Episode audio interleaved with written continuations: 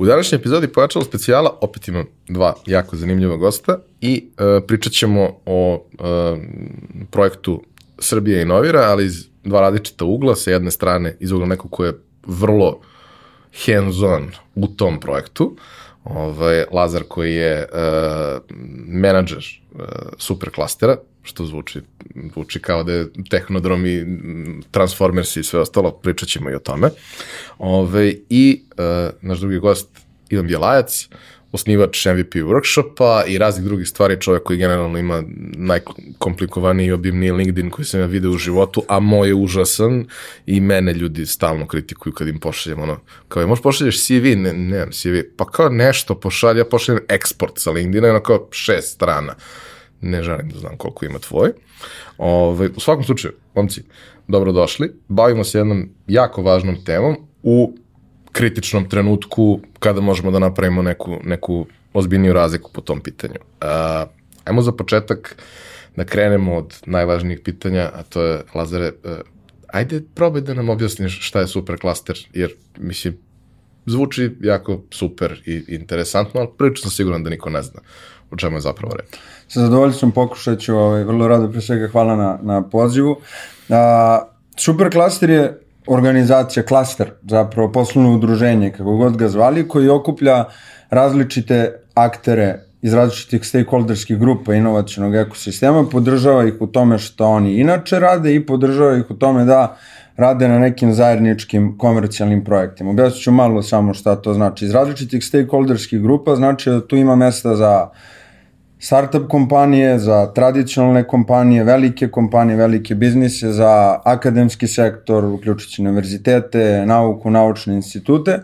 I to je otprilike neka okosnica jednog klastera ili superklastera, a na to je vrlo poželjno da tu budu i različite organizacije podrške, poslovne udruženja koje već postoje i uh, razne specializovane kompanije poput uh, ne znam, advokatskih kancelarija, specifične znanje, marketing agencije i slično. Praktično u tom podržavanju njih da rade na nekim komercijalnim projektima koji treba da budu usmereni nekom tehnološkom liderstvu. Dakle, ne želimo da napravimo nešto što je najbolji, najkorišćeni digitalni proizvod u Beogradu. Već želimo da napravimo nešto što je uh, orijentisano ka globalnom tehnološkom lidersu i što istovremeno teže da pozicionira Srbiju kao, da kažem, lidera u toj nekoj uh, specifičnoj oblasti. Svaki od tih stakeholdera ima svoju određenu ulogu, neku vrednost koju donosi unutar, uh, kako se zove, uh, u taj super klaster, ali istovremeno i benefite koje može da ostvari učešćem u njemu. Uh, jako je važno da ćemo mi to uraditi u nekim oblastima sa velikim potencijalom i praktično uloga tog superklastera je da nam pomogne da taj potencijal kao ekosistem ostvarimo radeći na tim komercijalnim projektima. Nadam se e da je malo nešto jasnije. Vi, jeste donekle jasnije, mm -hmm. ali ostaje jedno pitanje, a to je ako je to i klaster i super klaster, što je ovaj super? Uh, Superklaster od klastera običnog razlikuju praktično dve komponente. Jedna je ta da on obavezno mora da uključuje akter iz različitih tih grupa. Klasteri nekada znaju da budu iz, uh, kako se zove, na jednu. Tako je, znači da bude iz različitih grupa tako da oni mogu da formiraju ceo jedan lanac vrednosti. Dakle, to je jedna komponenta i druga važna komponenta je da bude orijentisan ka uh, dolaženju do idenja i implementaciji tih zajedničkih komercijalnih projekata. To obični klasteri ne moraju da imaju. Ovaj klaster istovremeno nastavlja da radi sve šta običan klaster radi, dakle podržava članove da se umrežavaju, da ne propuste dobre prilike za finansiranje, učeće na sajmovima zajedničke nastupe i slično umrežavanje međunarodno, ali dakle to su neke dve komponente koje ga, koje ga razlikuju. Zvuči super, klaster. Uh, e sad, uh, za kraj ovog nekog uvodnog dela i upoznavanja sa tobom, mm. volao bih da, da nam kažeš uh, konkretno na projektu šta je zapravo tvoja uloga i koji je neki background iz koga ti dolaziš. Mm -hmm. Ja dolazim poslednjih par godina, uh, već 5-6 godina ima, radim ili gradim različite organizacije koje se bave podrškom preduzetnicima i privredi, pa odakle god oni dolaze. Da li dolaze iz različitih industrija, uključujući i startupove, ali i različite druge preduzetnike i razumevanje negde njihovih potreba, ali istovremeno rad sa, kroz različite uloge opet i sa predstavnicima akademskog sektora, onima koji žele iz akademskog sektora da pređu u biznis ili da sarađuju, dakle uspostavljanje te neke saradnje na ekosistemskom nivou, dakle razumevanjem njihovih potrebe i onda pretakanjem toga u neke akcije kako možemo da stvari poboljšamo i da zapravo iskoristimo te potencijale i sinergiju koje leže u uh, saradnji. Moja uloga na ovom projektu je Supercluster Manager se zove pozicija i to praktično znači da ću ja u početku sa pilot superklasterima, a onda i sa tim superklasterom koji bude, na ovaj, da kažem, jedan naš uh, inovacijni superklaster, da radim sa tim timovima, cluster management organizacijama, koje su zapravo najvažnija komponenta da bi klaster uspeo da bi mogao da radi, tako da je to nekde moja uloga, da svoje iskustvo iz praktično rada u nekim organizacijama koje su nalik cluster management organizacijama, podržim njih da iskoristimo zajedno taj potencijal koji imamo i zbog kog se udružujemo u superklasi. Ti si mlad, ti se toga ne sećaš, ali evo, Bjelajac je nešto stariji. On se seća kako su moćni rangeri imali Zordona, ja otprilike tebe zamišljam tako na jednom velikom televizoru, onako lebdeća glava koja govori šta Pa treba i onda je... je... Sećam se toga. A dobro, ni- nisu oni tebe verovatno toliko bili važni kao nam. A,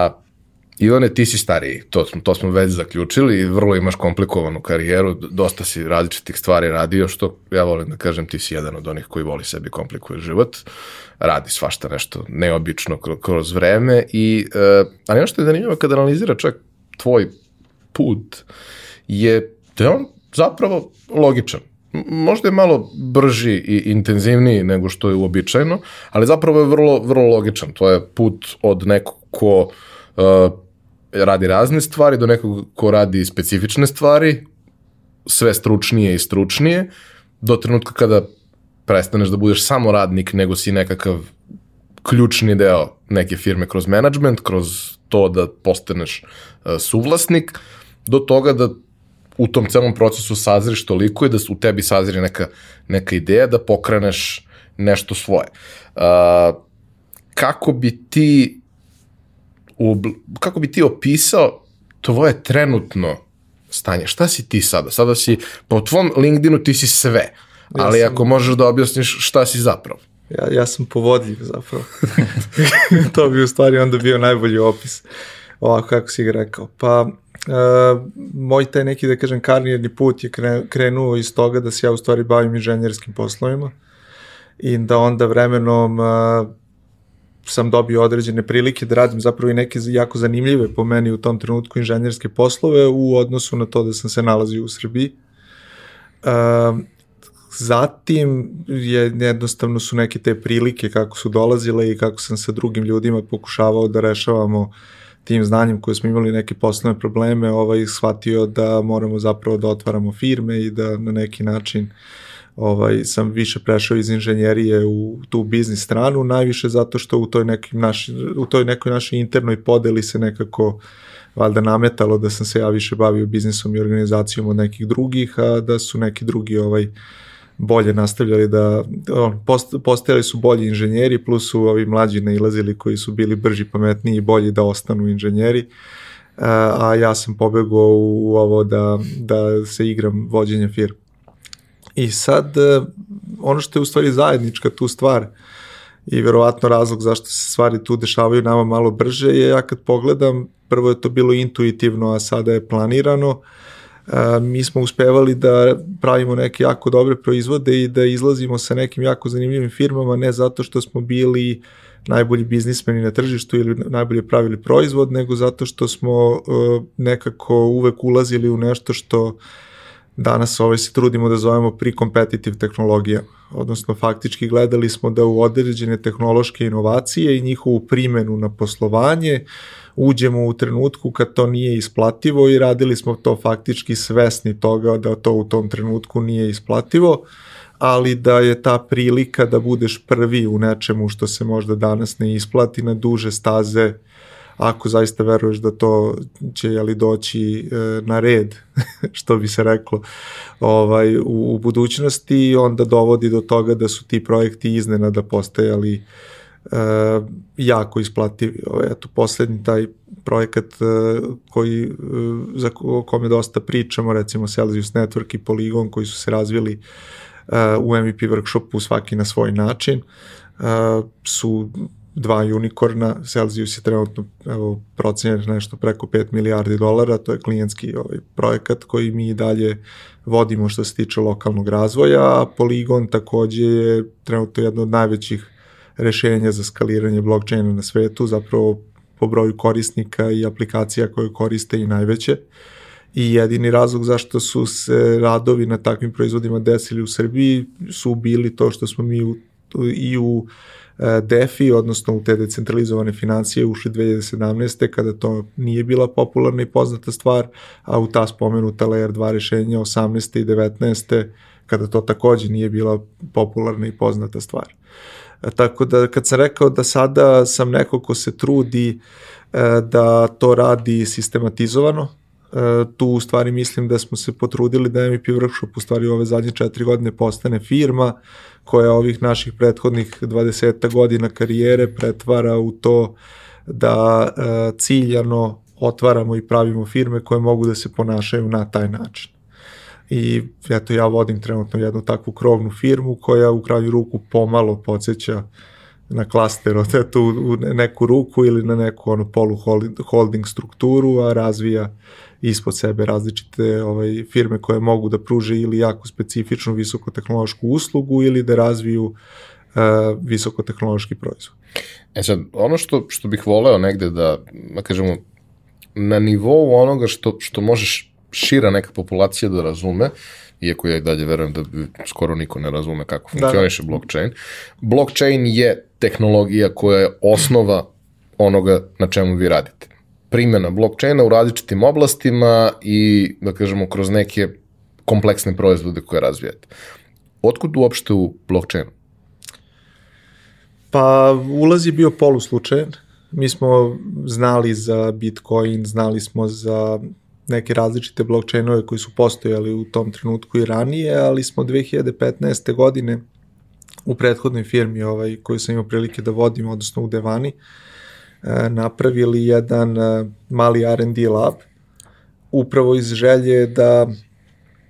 nam se ne desi to da nam firma propadne zato što je bazirana na jednom proizvodu. Znači, e, čovek koji je započeo Devanu, Vlada Prelovac, ju je započeo tako što je ušao u WordPress kada WordPress je bio mali CMS koji je bio nebitan, što bi se reklo mnogima na svetu, a u trenutku kada je jeli, WordPress krenuo da raste, Vlada je u njemu bio uh, neko ko je bio jako prepoznat i zbog toga je uspeo da napravi ManageWP kao proizvod i onda smo oko toga uspeli da gradimo Devanu kao firmu, ali Devana i dalje živela od tog jednog proizvoda. I postojale želje da se na neki način uh, ubacimo u R&D vode i da probamo da napravimo drugu nogu na kojoj će firma da stoji. Umeđu vremenu je GoDaddy došao, kupio ManageWP, tu se desilo svašta. Uh, ali ta R&D laboratorija uradila nekoliko projekata koji su bili jako zanimljivi i jedan od njih je bio zapravo email na Ethereumu, E, tako da od 2015. kad je Ethereum izašao, mi smo 2016. već krenuli da pravimo nešto na njemu i to je bio zapravo email sistem koji na kraju je poslovno neuspešan iz razloga što je i Ethereum jeli, kako da kažem, postao jako skup za korišćenje i spor, pa smo mi završili sa verovatno najsporijim i najskupljim emailom na svetu, ali, ali ovaj je bio sjajan ulaz u jednu takvu priču i odličan je primjer toga šta je u tom smislu Devana mogla da radi, da je nastavila da funkcioniše na taj, na taj neki način. I sada u to vreme, zatim nakon mog odlaska iz Godedija, sa nekoliko bivših kolega sam pokrenuo tu priču da onda, pošto smo ovaj, prepoznali u, u blockchainu i Web3-u neku budućnost interneta, ovaj, opet vođeni donekle ali tim projektom na kome smo tada radili. Odlučili smo napravimo posebnu firmu koja će razvijeti ali tu svoje proizvode. Nismo mislili da smo spremni za proizvod u datom momentu, nego smo krenuli da radimo sa raznim klijentima. E, prvi klijent je bio upravo ovaj Celsius Network, e, što je trenutno možda i najveća digitalna blockchain banka na svetu na neki način. Znači, Celsius ima oko milijon i 300 hiljada korisnika i raspolaže sa oko 27 milijardi dolara u ovom trenutku i tim koji ga razvija, razvija što se tiče proizvoda, razvija ga iz Beograda, to je tim od 100 ljudi koji je znači u potpunosti u Srbiji, ovaj, Uh, i to je sada već, pošto smo umeđu vremenu taj tim prodali samom Celsiusu, kako se zove, to je 100 ljudi od njihovih ukupno 500 zaposlenih, tako da je Beograd tu definitivno njegov najveći razvojni centar. A pored Celsiusa radili smo, rekao sam već na poligonu, kao još jednom unicornu, gde je ideja upravo došla iz toga što smo imali najsporiji i najskuplji mail, ovaj e, poligon upravo rešava taj problem, mi sa ekipom iz Matika koja ga je ovaj, uzela kao projekat, radimo dugo, mi razvijamo SDK ceo za poligon, to isto radi jedna ekipa u MVP workshopu i E, poligon kao takav je isto sada možda i ono najpoznatije, jeli, kao što sam rekao, rešenje za tako skaliranje, tako da u ovom trenutku ga već koristi, ja mislim, nešto preko hiljadu aplikacija na svetu, što je za blockchain i dalje dosta.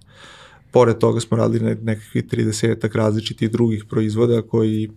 neki su propali, neki su ovaj, e, i dalje postoje, ali nisu doživjeli takav uspeh, ali eto za četiri godine uh, broj firmi koje su razvile 30-40 ono, proizvoda za blockchainu je i dalje prilično mali. A,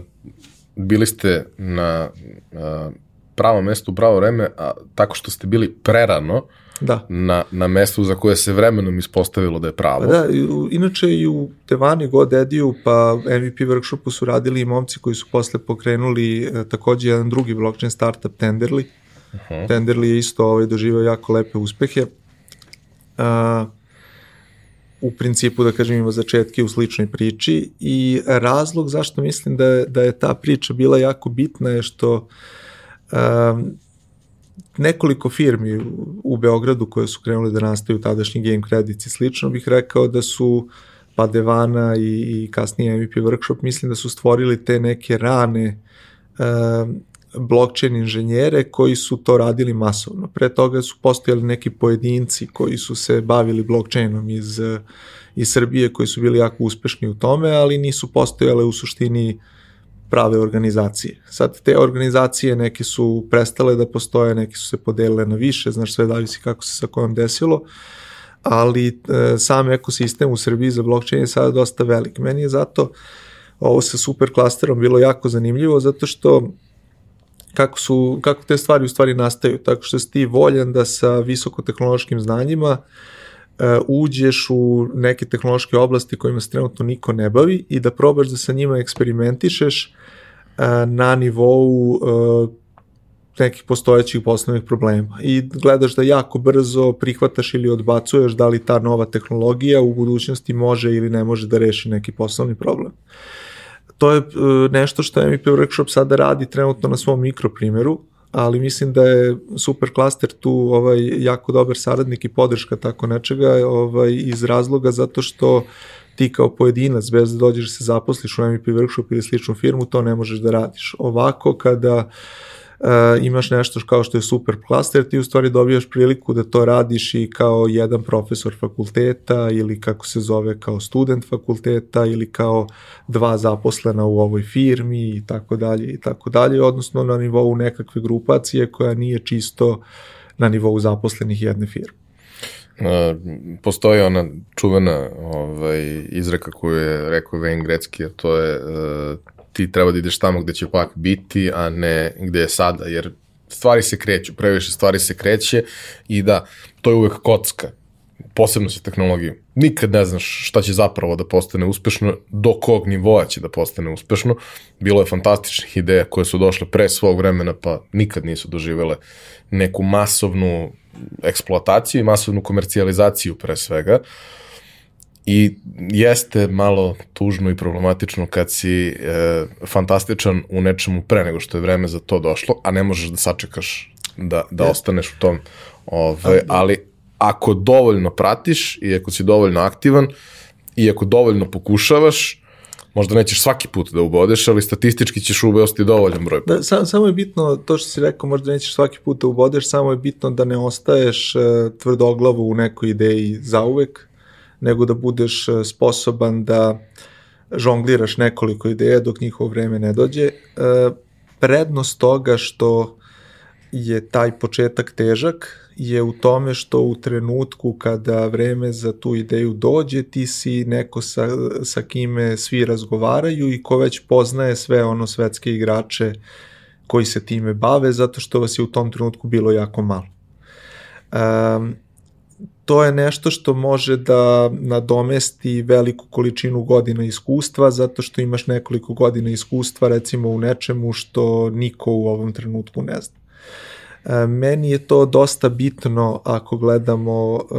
s druge strane i našu ono domaću situaciju, zato što mi nemamo e, mnogo uspešnu domaću industriju, jeli mala smo zemlja sa malim tržištem koje pritom nije ni bogato, da bismo rekli da, da na domaćem tržištu mi razvijamo ljude koji ono umeju da, da razviju veliki broj firmi. Ono, kod nas tehnološke firme su se razvijale pre svega na nivou uh, poznavanja tehnologije na nivou outsourcinga i tako dalje, pa su prelazile u neke proizvode i imamo neku količinu ljudi koji su lansirali uspešne proizvode, ali i dalje kod nas IT industrija se pre svega svodi na dobre inženjere. U, ov, u ovoj situaciji gde ti jašeš na pre-competitive tehnologijama, tebi su i osnivači većine tih firmi u stvari dobri inženjeri, a ne dobri biznismeni i to je situacija gde, gde je to za nas e, dodatna šansa zato što uh, u tom trenutku kada radiš u pre-competitivu gde para nema,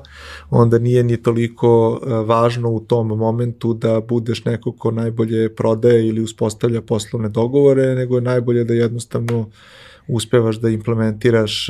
najinovativniji proizvod ili da, da otkriješ dovoljno rano novu tehnologiju koja će imati smisao ovaj, u budućnosti. Posle nekako kada si jedini koji je to radio neki broj godina, ovaj prilike, prilike krenu same da se ukazuju. Tako je. A, Lazare, ovo nije prva inicijativa ovog tipa. Možda jeste najkompleksnija, najsveobuhvatnija, ali bilo je raznih inicijativa u, u nekom prethodnom periodu. Međutim, uspeh je kod većine od njih bio prilično ograničen. Nije da nisu napravili nikakav impakt, jesu, ali on nije bio dovoljno veliki da zapravo napravi neku razliku. Do duše nije imao ni nešto što što se toliko cool zove kao superklaster. Da. Ovaj, siguran sam da će to da pomogne. Ali e, na koji način vi planirate da se borite za to da ova inicijativa bude baš ta koja će napraviti razliku? Pa ima par stvari, mislim, pre svega ima naravno par inicijativa koje su radili i jesu postigle neke uspehe, sve u ovaj, svako udruživanje je dobro, jel, ako ima smisla i sa druge strane jesmo imamo cool naziv i ono da ako dignemo neki hype oko toga, to će sigurno doprineti da sve više organizacije, ljudi, pojedinaca, jer na kraju mnogo ima do veza na individualnom nivou i odnosa, to vodi nekom uspehu. Par stvari koje razlikuju Srbija inovira kao klaster program u odnosu na ove, neke druge programe. Prvo, on je uh, privatno vođen, on jeste donatorski finansiran, ali ceo program je privatno vođen u smislu da a, privreda, on, to je privreda, privreda vodi ceo klaster program, ali će i to šta će oni raditi biti dosta kreirano među organizacijama samima. Ovo dakle nije grant šema gde će prijaviti neke organizacije, dobiti neku količinu para, da se njom rade nešto i vidimo se kada treba da pregledamo KPI-eve, naprotiv bit će vrlo uh, intenzivna saradnja i komunikacija gde će projekat zapravo da podrži ono oko čega se dogovore te kompanije, organizacije iz različitih zapravo grupa stakeholdera, da žele da rade projekat će to da podrži na dnevnom nivou, pod jedan u smislu ono rada sa njima, sa tim organizacijama, sa te četiri koje će to voditi i sa druge strane resursima za i taj staff i organizaciju događaja, studijskih putovanja, dovođenje eksperata, šta god to bilo, za zapravo potrebe toga da dolazimo do tih ideja za neke prilike koje treba da iskoristimo ili probleme koje treba da rešimo, koje treba da vode tim komercijalnim projektima. Ti komercijalni projekti su druga važna komponenta koja izdvaja jeli, Srbija inovira, to je super klaster koncept kao program od ostalih koji se udružuju, jer najčešće kada krene udruživanje, ako se ne vidi benefit odmah na početku, jako je teško da najrelevantniji akteri ostanu uključeni, oni su nam jako potrebni. Tako da u tom smislu to su neke stvari koje, a, koje, koje izdvajaju superklaster kao koncept a, i mislim da a, mislim da je jako važna stvar zapravo i to da treba da pronađemo upravo da su, o čemu smo malo pripričali, da postoji neka zajednica koja je već okupljena, koja je izgrađeno poverenje na neki način i da nju podržimo da, kako se zove, uh, se udružuje i zajedno dolazi do opet svih tih stvari o kojima smo pričali. Ivane, ti si dinosaurus, kao i ja, i mi smo stari ljudi, videli smo mnogo ovako mladih ljudi koji su vremenom izgubili želju za, za ovaj, aktivizmom i, i tim delom priče, ali ono što, čemu smo u principu i ti i ja prilično dugo svedočili na mnogo različitih primjera, je taj moment uh, neke naše prirodne nesposobnosti da se udružujemo, da komuniciramo, da pričamo, ne pomaže ni što su generalno ljudi u našim industrijama introverti, pa im nije prirodno da se nešto sad preterano mnogo tu druže i da glume social butterfly. Ovaj, ali postoji siguran sam još nekih razloga koji, koji stoje za toga. Kako tebi to izgleda? Šta, šta se tebi čini da su tu negde glavni, glavni izazovi i na koji način možemo da, da ih prevaziđemo u narednom periodu?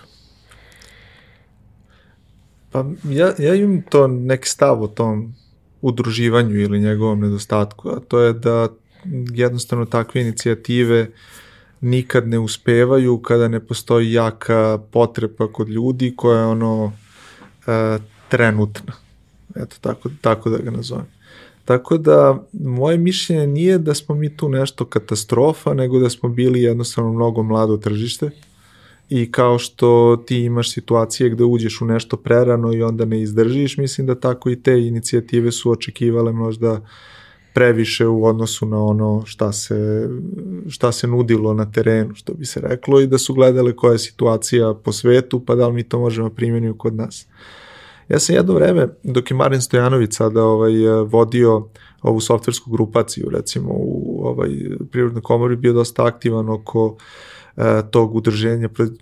proizvođača softvera, sada kako je on otišao ovaj, manje, ali e, ono što mogu da kažem je da je, zašto mislim da je to, to bio dobar trenutak i zašto sam ja tu pristao tada da radim je zašto je on prepoznao jednu stvar koja se meni tada dopadala a to je da je srpska privreda ono jako odvojena od srpskog IT-a. I ti sada suštinski imaš lokalnu privredu koja ljudima koji u njoj rade daje znanja koje su okrenute na tržište koje je Srbija i region i kako se zove koja pokušava da rešava određene svoje probleme i relativno je siromašna u mnogim oblastima, ne u svim, ali u mnogim jeste. Uh, i sa druge strane imaš ono IT firme koje gađaju globalno tržište, koje većinom nemaju ovaj sposobnosti za to kako da definišu često proizvod ili kako da ovaj ono rade na svom brendu, marketingu i prodaji, ali sa druge strane ne nalaze te veštine ni u domaćoj privredi, nego moraju da nekako razvijaju te ljude ovaj da ono interno da to rade. I sada ti imaš nedostatak ono presečnih tačaka između tih stvari ono u, u dosta slučajeva i samim tim e, nemaš ni, ni ovaj veliku potrebu ovaj tih industrija da sarađuju, IT firme su ono s druge strane međusobno u različitim fazama razvoja nastupaju na različitim tržištima sa različitim idejama i onda i nemaju toliko opet svojih presečnih tački da se to desi. Ono gde ja mislim da e, može da se desi da postoji e, dosta velika promena u razmišljanju ovaj, je sa jedne strane što je sada, mislim, u IT firmama akumulirano neka količina znanja i kapitala i želje da se razvijaju sobstveni proizvodi, pa im treba domensko znanje, a sa druge strane imaš i tu situaciju da ako se složimo, a trenutno iz onoga što sam sa Lazarom imao prilike da pričam i deluje da će superklaster ići u pravcu da, da ide na ove stvari kao što su pre-competitive tehnologije o kojima pričam, ne samo blockchain, nego i, i druge koje dolaze, e, to je ogromna prilika i za, i za privredu, koju obično, kako se zove, ranije nisu mogli na isti način da, da ovaj e, iskoriste zato što su birali da li da im domaća firma sa njima razvija neko novo rešenje ili da tipa kupe postojeće rešenje na tržištu. Uh, dok kada pričamo o pre-competitive stvarima koje niko do sad nije radio, to, to je ovaj, nešto gde ti ono, za više različitih industrija u saradnji imaš priliku da svi u stvari rade nešto što nikad nije rađeno i kako se zove da izađu uh, zatim kao sa nekim rezultatom koji potencijalno može stvarno da bude globalno relevantan. Tako da uh, mislim da ono postoji dobar trenutak u vremenu, uh, mislim da postoji uh, jasnije definisana strategija da se bavimo dolazećim tehnologijama, ne onim koje su već po, popularne kada je ovaj superklaster u pitanju i svakako imamo ono već duže vremena hroničan taj nedostatak saradnje e, klasične privrede, IT-a i akademije koji se kroz ovo potencijalno donekle rešava. Znaš kako ja vidim tu, tu jednu stvar, uh, veliki sistem generalno vrlo teško rade sa manjim sistemima iz raznih razloga. Jedan od njih je što veliki sistem ne želi da razume challenge koji ima mali. Ali ok, nije važno. Ima primera gde te saradnje funkcionišu fantastično, ali ti primeri se uvek baziraju na tome što postoji jedna osoba u velikom sistemu koja je stal. Da, da. I to je super. I negde ono kao, ne možemo mi sad da, da promenimo DNK naših velikih firmi. To treba vremena, možda i možemo, ali kroz period od 30 godina, koje trenutno nemamo. A ono što možemo da uradimo je da makar identifikujemo te, te ljude na različitim mestima i da onda oni budu uključeni u neku aktivnost, da to ne bude na nivou incidenta, nego da to bude deo njihovog posla. Tako, to je, to je negde postavka koja ima smisla. Apsolutno, ali moramo da krenemo od već postojećih odnosa. Nik, baš to što si priča, nikad niko sa to ono malo klaster literatura, nikad niko nije napravio klaster, tako što rekao sad će ovo da bude klaster. Ja su ga napravili, to nije bilo uspešno u 99% slučajeva i mnogo se bazira na tim pojedinačnim odnosima. Praktično prvi rezultati nekih klastera se vide ono za 5 do 10 godina, verovatno. Mi to gledamo da ubrzamo upravo time što ćemo pronaći pojedince koji su dovoljno uticajni u svojim organizacijama i žele da posvete neko vreme ove, vreme, znanje, resurse koje imaju i da tako preskočimo tih par prvih koraka. Ono što bih isto volao da te pitam, Ivane, zato što ti si taj ko se bori na realnom tržištu dugi niz godina i uh, možda možeš da daš nekakav zanimljiv insight i pregled. Uh, jedan od razloga zašto ja mislim da ljudi ne komuniciraju dovoljno sa firmama koje doživljavaju kao konkurenciju, a u realnosti nisu konkurencija, je činjenica da nema dovoljno talenta odnosno da talenta ima, ali da već 10 godina fali 30.000 programera i dalje ih fali isto koliko ih je falilo pre 10 godina, koliko god da su među vremenu kažemo, broj ljudi koji se uključuju u to povećao, potražnje je i dalje mnogo veće i negde ljudi u toj borbi, čak i ako se ne bore za klijente, bore se za ljude koji to mogu da urade, bore se za talent koji ima neku konkretnu vrednost koju donosi firmi, da je to možda jedan od razloga zašto je toliko teško ljudima da se otvore, jer ne žele da izgube ono što su jedva našli. Ja, ja recimo nisam primetio da ljudi iz tog razloga ono beže od interakcije, ali se slažem da je ono što jeste činjenica da je za većinu IT firmi u Srbiji, ono ako si direktor, tebi je preko pola posla u stvari uh, borba da dovedeš i zadržiš ljude. I u tom smislu bih pre rekao da to uzima fokus sa svega ostalog, nego što mi deluje da su ljudi ono da ono da, da tretiraju jedne druge kao neprijatelje, kao pa se mrze, pa ne, neće da uđu u taj odnos ili misle ako naprave joint venture da će da im ono ljudi pobegnu. Ali, kažem, nemam taj utisak, ali slažem se da, da je ono jednostavno nedostatak ljudi i to što živimo uh,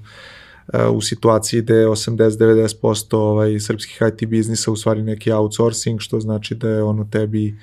um, ono, te, tebi je taj čovek u stvari istovremeno i kolega i sredstvo za rad i izvor prihoda i ovaj, šta god da zamisliš, e,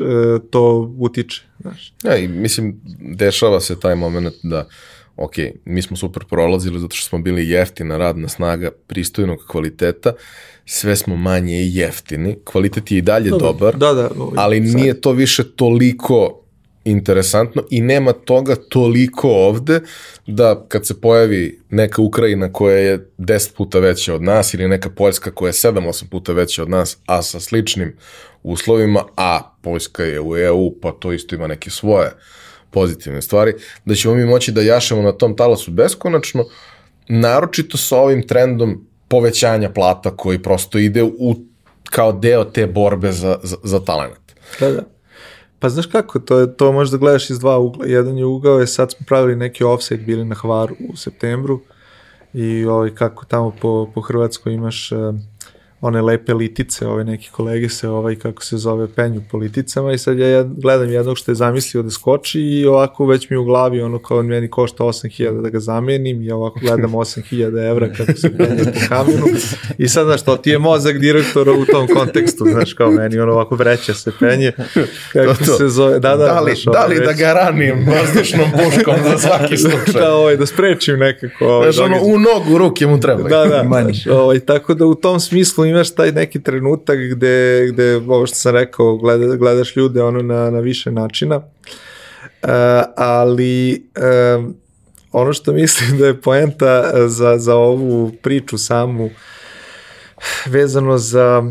povećanje tih broja ljudi ili slično, mislim da je tu opet ulazimo u taj moment gde ako želiš da zadržiš competing advantage čak i u outsourcingu, gde ja mislim da je outsourcing generalno jako dobar za ulazak u te nove tehnologije, nove poslovne modele i slično. NP Workshop kao brand je inače krenuo pre nego što smo ga izudvojili u posebnu firmu upravo iz te ideje da u Devani i, i ovaj GoDaddy-u uh, sam ja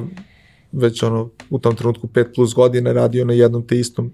proizvodu i osjećao sam da se zaglupljujem i onda smo hteli da krenemo iz nekog konsultantskog biznisa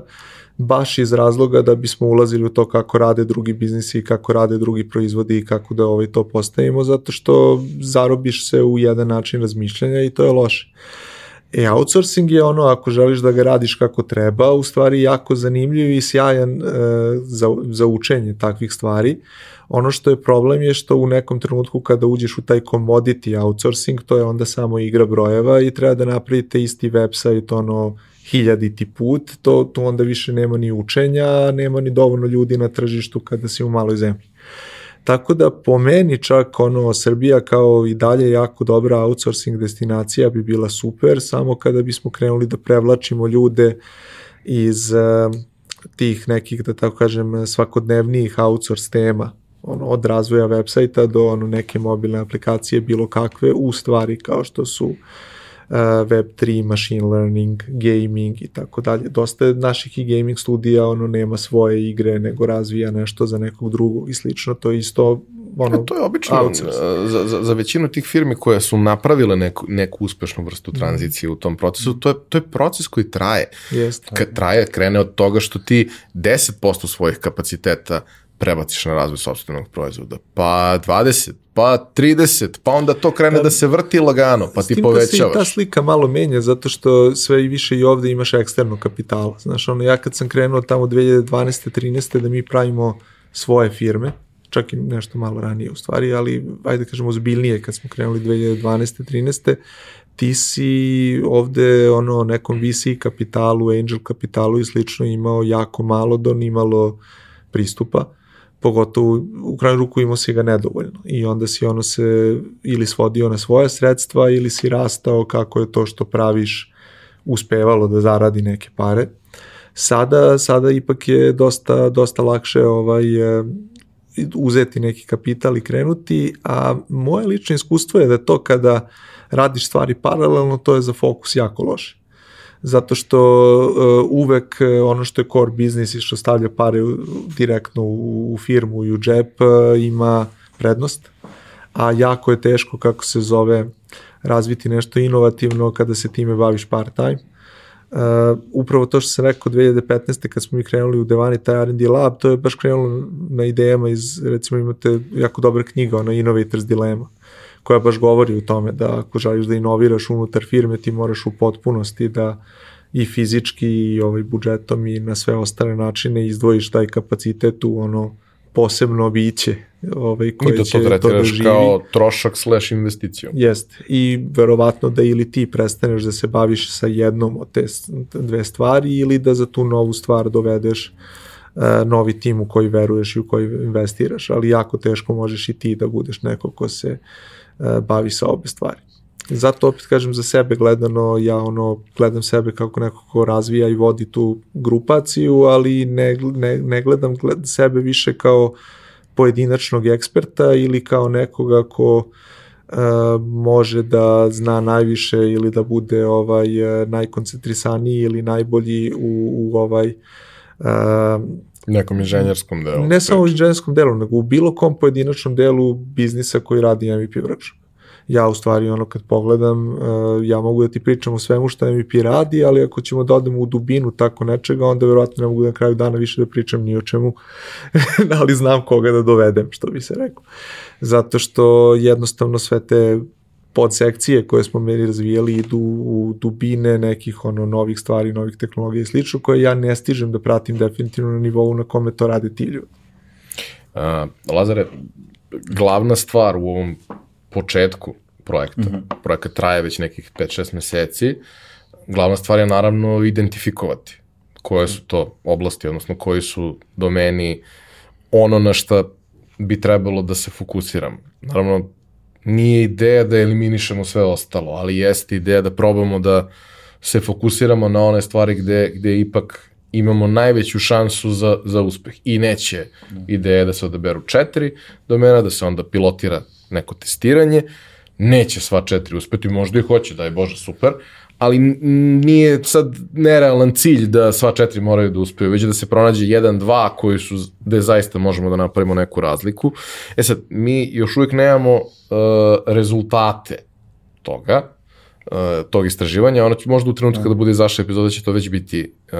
javno, ali u trenutku kad snimamo nemamo ih. Ali šta imamo kao, kao neka saznanja, šta imamo kao neke, neke ideje koje se, koje se, o kojima se priča, obzirom da je to tema kojom se već dugo bavite. Jasno. Uh, ima i malo smo se dotakli toga, pa ću da se vratim na to, ali suštinski mi, uh, najvažniji deo je upravo to i uh, mi smo radili vrlo sveobuhvatno istraživanje kome je učestvilo, ne znam, više od hiljadu ljudi u anketi, preko 120 intervjua je urađeno, onda fokus grupe da se sve to nekako još jednom prodiskutuje i krećemo se negde ka tom odgovoru koje su to četiri oblasti sa najvećim potencijalom, ali suštinski šta su ono neki, da kažem, parametri koji moraju da budu zadovoljeni, kriterijumi. Prvi je to da dakle, imamo neke interne snage u našem ekosistemu na kojima možemo da gradimo. Da li su to jedinstvenog s nekog resursa, da li su to talenti u izobilju, da li je to neki raniji uspesi ili specifični događaji koji su se desili pa nas vode kad je ok, to je snaga na koju treba da gradimo. Dakle, to moramo da prepoznamo. A, druga stvar je da bude globalno relevantno, dakle da to što radimo, da kažem, ima neku globalnu a, perspektivu a, i jako je važno da, kako bih rekao, sa treće strane, dakle da ono, globalna perspektiva ta da bude oličena i u ne, ono, realnosti, dakle šta se to dešava na globalnom tržištu gde može da ide cijela industrija. Ovaj, jako je važno kada te podatke imamo, treća komponenta je praktično da postoji zajednica koja je zainteresovana da se time bavi. Uh, naš ekosistem je dovoljno mali da nekada rezultati samo istraživanja, podaci mogu da pokažu da je neka oblast vrhunska samo zato što ima par kompanija koje u njoj dominiraju. A da onda kad odemo pričamo s njega ćemo da pravimo super klaster, oni kažu pa sa kim mi smo sami ovaj, u tome. Ima još par stvari koje su važne, Ivan je malo prepominjao, dakle, važno je da mi možemo da budemo tu konkurentni u smislu da to iskustvo koje nedostaje, kako bih rekao, uh, prodajne veštine, razvoj proizvoda i slično. Za neke industrije je jako teško da mi u Srbiji imamo real time iskustvo iz svetske industrije, koji su svetski trendovi, kako to izgleda i slično, dok za neke industrije to postoji ta prilika zbog nekih ranih uspeha već, e, da kažem, zajednice naše koje je povezana sa ili učestvuju u projektima koji su globalno relevantni. Tako da rekao bih da su to neke ono osnovne komponente koje moramo da, da uzmemo u obzir i na kraju naravno da to bude dovoljno široko postavljeno da se a, organizacije u tome prepoznaju i da nam da priliku praktično da probamo, pilotiramo i pivotiramo kad vidimo da to da to ima smisla. Mi ćemo pilotirati u četiri oblasti, ali projekat nije rigidan u tom smislu da će u četiri biti izabrana jedna ili dve, već može da se desi da ih spojimo, da ih mrđamo ako to ima smisla. Ili kombinujemo na neki način. Upravo tako. Tako da u tom smislu je prilično da kažem moramo budemo agilni jer radimo sa industrijom, radimo sa time da že, radimo na tome da želimo da budemo globalno konkurentni, da učestvujemo tim nekim, da kažem, dešavanjima koje su trenutno aktuelna, tako da vidjet ćemo šta će to i kako će da ispadne. Postoje industrije u kojima imamo jako svetle primere koji su pojedinačni, postoje industrije u kojima pa imamo nekoliko pojedinačnih primera, pa to više nije pojedinačno, baš nije to baš takva slučajnost, a postoje i neke industrije ili, ili oblasti, ajde da ne, ne zovem sve industrijama, pošto nisu, neke su samo oblasti, ovaj, a, gde, da kažemo, postoji već nekakav ozbiljniji ekosistem, a primer dajem je gaming, gde postoji dosta veliki broj studija, Neki rade kao deo nekih većih studija, neki rade klasičan outsource, neki rade sobstvene igre, sobstvene proizvode, neki su uspešni u jednom domenu, drugi u drugom, ali ti kad pogledaš uh, i oni su kroz, da kažemo, svoje, uh, svoje udruženje, svoju asocijaciju, se prilično aktivirali, međusobno povezali, hvatajući da osim u toj borbi za talente nisu jedni drugima konkurencija, jer niko ne pravi igricu za lokalno tržište, jer, mislim, kakvog smisla ima da praviš igricu za 7 ili 20 miliona, koliko je govorno područje, da kažemo, na, na, naše ovde. I mislim da tu postoje neke dobre prakse koje mogu da se, da se uzmu kao primer, ali opet se vraćamo na to da ako zanemarimo gaming, a hajde da ga zanemarimo i jeste izuzetak, u većini drugih uh, oblasti ne postoji dovoljno proizvoda. Postoji kompanije, postoje talent, postoje timovi, postoji know-how, jer ne bi mogli da, da naprave dobre proizvode, da, da ne umeju da ih naprave, ali fali taj, najčešće taj biznis deo i fali ovaj, inicijativa možda da se izađe malo iz, iz komfora koju donosi velika plata i sigurni prihodi. Uh, ipak ljudi se uvek najlakše asociraju sa primerima koji su uspešni. Mislim, najlakše se asociraju, to ih najlakše pokrene na neku vrstu akcije. Niko nije mogao da zamisli da možeš da imaš najboljeg tenisera sveta i Srbije dok nisi dobio Novaka Đokovića i sad i dalje ne verujem da baš svako misli da može da bude, ali ima neke dece koje su videla Novaka, Anu, Jelenu, Janka i znaju da mogu da probaju i da nisu baš šanse 0% da u tome uspeju. Ista priča, ne znam, sa Jokićem, ista priča, ja volim sportske metafore, jebi ga, šta da vam radim, ovaj, ali to su, to su ti momenti gde ti vidiš da nešto može, kao što vidiš da može da postoji uspešna igra sa ovih prostora, kad vidiš Nordus je top 11, pa onda kroz par godina vidiš, e, nije to više jedna, to je sad deset, možda nisu sve na tom nivou, ali su dovoljno velike i relevantne. Volao bih, ako možemo da damo ljudima još neke zanimljive lokalne primere koji možda nisu toliko vidljivi, a koji su, ono, uh, kako je nekad najbolji naziv za TV emisiju koju, koji je ikad postojao na BK televiziji emisija koju, ako se ne vram, vodila Tanja Fernandino, hrana za glavu. Ajde da damo ljudima nekakav materijal, neke, neka imena, neke proizvode koje mogu da budu food for thought. Pa ja mogu da ti kažem na nivou blockchaina da ti trenutno u Srbiji imaš verovatno 40-50 firmi koje od njega žive i verovatno još toliko koje su probale da nešto naprave odnos ovih 40-50 firmi koje su ono blockchain only e, između toga da li rade outsource ili imaju svoj proizvod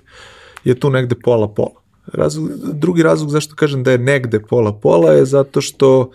i ove koje rade outsource nešto kao pokušavaju često da petljaju da imaju nešto što, što bi zvale ovaj, kako se zove svojim proizvodom. Tako da u tom smislu ono pored MEP workshopa koji suštinski ima nekoliko firmi i ima i svoje i proizvode i, i ovaj uslužne delatnosti, a, pored tog tenderlija koji sam spomenuo, a, sve više i više se pojavljuje recimo nekih ekipa koje su se a, zapravo izbacile napred tako što su uzele novac u ovom Solana ili u Cardano ekosistemu, što opet dolazimo do tog momenta gde si rekao kako dolaziš do toga da ljudi izađu iz svoje zone komfora, tako što im neko sa druge strane garantuje relativno slična primanja,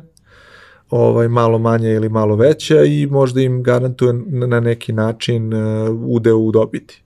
I ovaj, mislim da je to nešto što je do jako skoro nama falilo, prvo dobra stvar koja se dešava u zadnje vreme je dosta taj veći upliv kapitala koji upravo omogućava da ti više nisi samo pojedinac koji pokušava da napravi firmu, nego da to može da postaje lagano trend, jer neko hoće da ti plati da, da to probaš da uradiš. I druga stvar je što, do, opet kažem, jako skoro mi nismo imali naš ekvivalent stok opcijama do pre godinu, dve dana. Ovaj, ja sam to uvek smatrao da je jako važno, jer e, ti, ono, znaš, ono, ja, ja kad gledam, kada je bilo ono, onih rasprava oko paušala, znaš, e, meni je tu problematična najviše stvar bila u tome što e, ti imaš suštinski situaciju gde se domaće ono outsourcing e, ili produkt firme su se borile sa Microsoftom i nekim velikim korporacijama tako što su se trudile da ponude veću neto platu, tako što su nalazile način kako da angažuju čoveka kroz nešto što nije klasičan ugovor o radu, nego ono da on napravi firmu ili agenciju da se nešto dogodi i slično. I sada kada, kada ti ono to skloniš e, sa strane, kako se zove, i kada svi ono raspolažu sa istim troškovima na tu platu, tebi su Microsoft i velike korporacije ili establišovane ono firme od po 200, 300, 400, 500 zaposlenih u velikoj prednosti u hiringu što se tiče plata ali e, ono što mi ranije nismo imali, a što je sad počelo da se dešava, ovaj, je da imamo sve više firmi koje su voljne da ljudima u stvari nude budući equity, da rade na nekakvom proizvodu ili razvoju nečega i ja mislim da je to ključna stvar koja ranije nije postojala, a sada počinje da postoji. Uh, prilika da više firmi radi na proizvodima jer će tu doći tuđi novace, napraviti nama i nove business developere i nove growth hakere, nove ono, marketing menadžere, brand menadžere i tako dalje, odnosno te funkcije koje nama fale. Tako da ja lično mislim da je nama tu glavni slash jedini problem kako god da ga gledamo to što mi u stvari samo za svetom u tim stvarima kasnimo 10-15 godina i ovaj, e, jednostavno kako se stvari dešavaju kod nas koje su se tamo dešavale pre 15 godina uh, tako, tako i ovaj u tom klasičnoj tranziciji, ali mi se uspešno jako ponašamo i plivamo u odnosu na to da kasnimo 15 godina. Čak Jedini... mislim da, da smo u dosta nekih segmenta uh, da mi brže sustižemo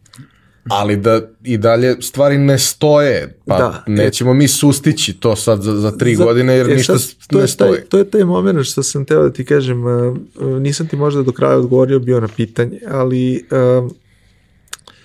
ja, ja tu vidim taj, tu vrednost kako se zove toga što u blockchainu recimo ima ta količina firmi. Jer uh, mislim da je to redkost, u, u trenutku kad je MEP workshop došao do, nek, do nekih 50 ljudi pre dve godine, otprilike, uh, ja mislim da je prosečna blockchain firma na svetu imala oko 15 zaposlenih. I bilo je većih, bilo je i ono, kako da kažem, i nekih naravno manjih, ali ovaj uh, MEP workshop je sa 50 ljudi pre dve godine bio velik ovaj, što je čudno, ali kad pogledaš ovaj. I mislim da je to, to je nešto što je, što je ovaj, suština po meni tih stvari, ovaj, kad pogledaš, ono, ja, ja vidim u blockchain ekosistemu u Srbiji jedno, kažem, blizu 100 nekakvih entiteta, od čega 40-50 njih živi od toga, od čega je pola tih firmi su ono firme od 5-6 zaposlenih, ali mislim da je to jako dobro. Uh, i mislim da je to uhvaćeno na tih 5-6 primjera ovaj, velikih o kojima se priča gde pritom mislim da nije samo pitanje toga da li mi imamo te, te firme koje su uspjela nešto kao MVP Tenderly, tada Game Credits i slično, nego i da je do toga što imamo pojedinačne ljude ovaj, koje su uh, na nivou kosmosa, poligona, pojedinih ovaj velikih uh, blockchain rešenja, kako se zove, napravili ključne inovacije i dalje u tim blockchainom im ovo igraju neku jako bitnu ulogu, od kojih neki ovde predaju na fakultetima i tako dalje i tako dalje, što je izvanredna stvar, u stvari da konstantno postoji ovaj, ta, ta interakcija na neki način. A upravo je, to bih dodao samo to što kasnimo 10-15 godina, upravo su blockchain i slične te stvari gde možemo da budemo pioniri i da zauzmemo neku lidersku poziciju tada, omogućavaju da gap koji imamo na drugim mestima prevazilazimo od velike vrednosti jako nadprosečne koja se tu stvara. I nadovezu bi se malo pre samo na pitanje ovaj, koje si rekao za nedostatak nekog proizvoda, pa si spomenuo Gaming Nordus i Top 11. Uh, šta je jako interesantno da pogledamo gaming u širem kontekstu toga od proizvodnje igara. Tehnologija koja se nalazi iza toga, počevši od ono na prodajnih alata ono in game do tehnologija poput onih koja razvija trilateral koje su na svoj način ono state of art za, koje imaju primjenu ne samo u gamingu, nego onda i u celoj entertainment industriji, filmu i tako dalje, ili na treću stranu gaming i priča gamifikaciju u svim ostalim industrijama i onda to kao deo ono industrije 4.0 svega veliko. Tako da u tom smislu što šire pogledamo i što više aktiri pojedinačno koji to proizvode i što više zapravo imamo biznis developera koji to prepoznaju i vide te prilike, to ćemo više imati tih prilika za veliki nadprosečan rast koji onda ima svoj spillover efekat na, na ostale industrije. To zapošljava onda redu. E, i sad, za sam kraj, šta je da ti radim što si mlad? Tebi ide najteže pitanje, to ti posao. A to pitanje je šta je zapravo sledeći korak mm -hmm. i na koji način mi možemo da se uključimo i šta je, o čemu prosto treba da razmišljamo u, u narednom periodu. Pratit ćemo svakako šta se dešava mm. na Srbija Inovira, bit će vrlo vidljivo, bit će kroz medije, ali centralno mesto će svakako biti, biti sajt na, na kome su sve informacije, ali prosto ono šta se sprema i koja je naša uloga, šta treba da uradimo da uspemo. Nama je bilo vrlo važno da u prethodnom periodu, baš prethodnih tri dana smo išli Novi Sad, Nič, Beograd, ići ćemo još ovaj, gradova po Srbiji da okupljamo stakeholderi svih ovih, eh, kako se zove, stakeholderskih grupe, ili akademije, biznisa, čak i državne uprave specializovanih kompanija, već postojećih biznis udruženja, da probudi, zapravo smo simulirali super klaster, šta se dešava u njemu. Zašto smo to radili i šta pokušavamo generalno sad uradimo je da ono, upalimo neke lampice kod ljudi, da zaintrigiramo malo ovom temom, da svi zajedno razmišljamo o tome koji su to potencijali koji možemo da ostvarimo, sinergije koje možemo da ostvarimo, koji su to na koji je to ono krajnji kao cilj dokle sve možemo da odemo, šta nam je za to potrebno na kraju koji su benefiti za te organizacije svake grupe, za tu industriju ili oblast koju izaberemo i na kraju za našu ono, ekonomiju, društvo, u celini. Sve pozivamo da razmišljaju o tome zato ćemo mi negde do kraja godine da pozovemo konzorcijume organizacija koji će morati da uključuju bar jednu veliku kompaniju industrijskog lidera, bar jednu uh, organizaciju iz akademije ili nauke, bar jedan startup i vrlo poželjno nekog od ovih ostalih ko već okuplja tu zajednicu ko se time bavi a, ili specializovane kompanije koje donose neku svoju vrednost da nam se jave u konzorcijumima i da nam kažu baš te stvari. E, ovo smo mi prepoznali kao potencijal, ovo je snaga na kojoj hoćemo da gradimo, ovo su benefiti, ovo nam je potrebno i mi mislimo da treba da uđemo u to. A, onda ćemo praktično možda ono čak i dva meseca raditi na tome da brusimo te ideje, da zajedno dolazimo do strategije, šta je to ono neki krajnji cilj, misija, vizija toga i da izaberemo klaster lidere, odnosno te organizacije, te koje, jer to ne mogu da budu svi, ta organizacija mora da ima i vremena i kapacitet i uopšte želje da se time bavi, da to ima smisla i onda ćemo krenuti da radimo. Neće, to nije, da kažem, proces eliminacije. Naprotiv, a, jedna od važnijih komponenti projekta Srbije inovira i superklastera da on mora da bude inkluzivan. Da svako ko prepoznaje tu neku ovaj, ideju, za njega će biti mesta, ali mora da se zna ko ima najviše smisla da to vodi u datom trenutku. Onda ćemo krenuti da, da pokušavamo zapravo da upošljavamo resurse projekta da ostvarujemo te potencijale za koji smo se zajedno složili da, da postoje i onda ćemo da vidimo šta će se desiti. Ne znamo, ovaj, a, ne postoji magični štapić i kažemo je ovo je potrebno uraditi, sad će da nastane super klaster, naprotiv a, moramo da ono, ponovit ću agilno to radimo i da vidimo, verujemo da imamo know-how kako da krenemo u to, imamo dovoljno resursa za tako nešto što je najvažnije, postoji potencijal u zajednici koji treba da podržimo. I onda ćemo napravimo super klaster. Zvuči super. Uh, momci, hvala vam. Mislim da smo se jako lepo ispričali, da smo dali ljudima tu hranu za glavu koja je jako važna i da smo im dali razne neke teme o kojima mogu da, da razmišljaju u narednom periodu kada ćemo svi imati malo više vremena da, da, da razmišljamo i da odmorimo i nije loše da to vreme iskoristimo konstruktivno. Uh, hvala vam što ste nas slušali i gledali, kao i da sad sve svoje sugestije, pitanja, ovaj, komentare ostavite na za to predviđenim mestima na YouTube-u i društvenim mrežama. Ako bude bilo nekih konkretnih zanimljivih pitanja, ovaj, ja ću pozvati momke da, da, da daju svoj, svoj feedback na to. Pratite šta se dešava na projektu Srbija inovira na domenu srbijainovira.rs uh, i uh, pratite prosto uh, narednih meseci, narednih nedelja i narednih meseci kroz medije, uh, šta su sve neke stvari gde možete možda sebe da vidite ili nekog drugog, gde možete da naletite na neku informaciju koju možda nisu svi čuli, a vi možete da prosledite ljudima.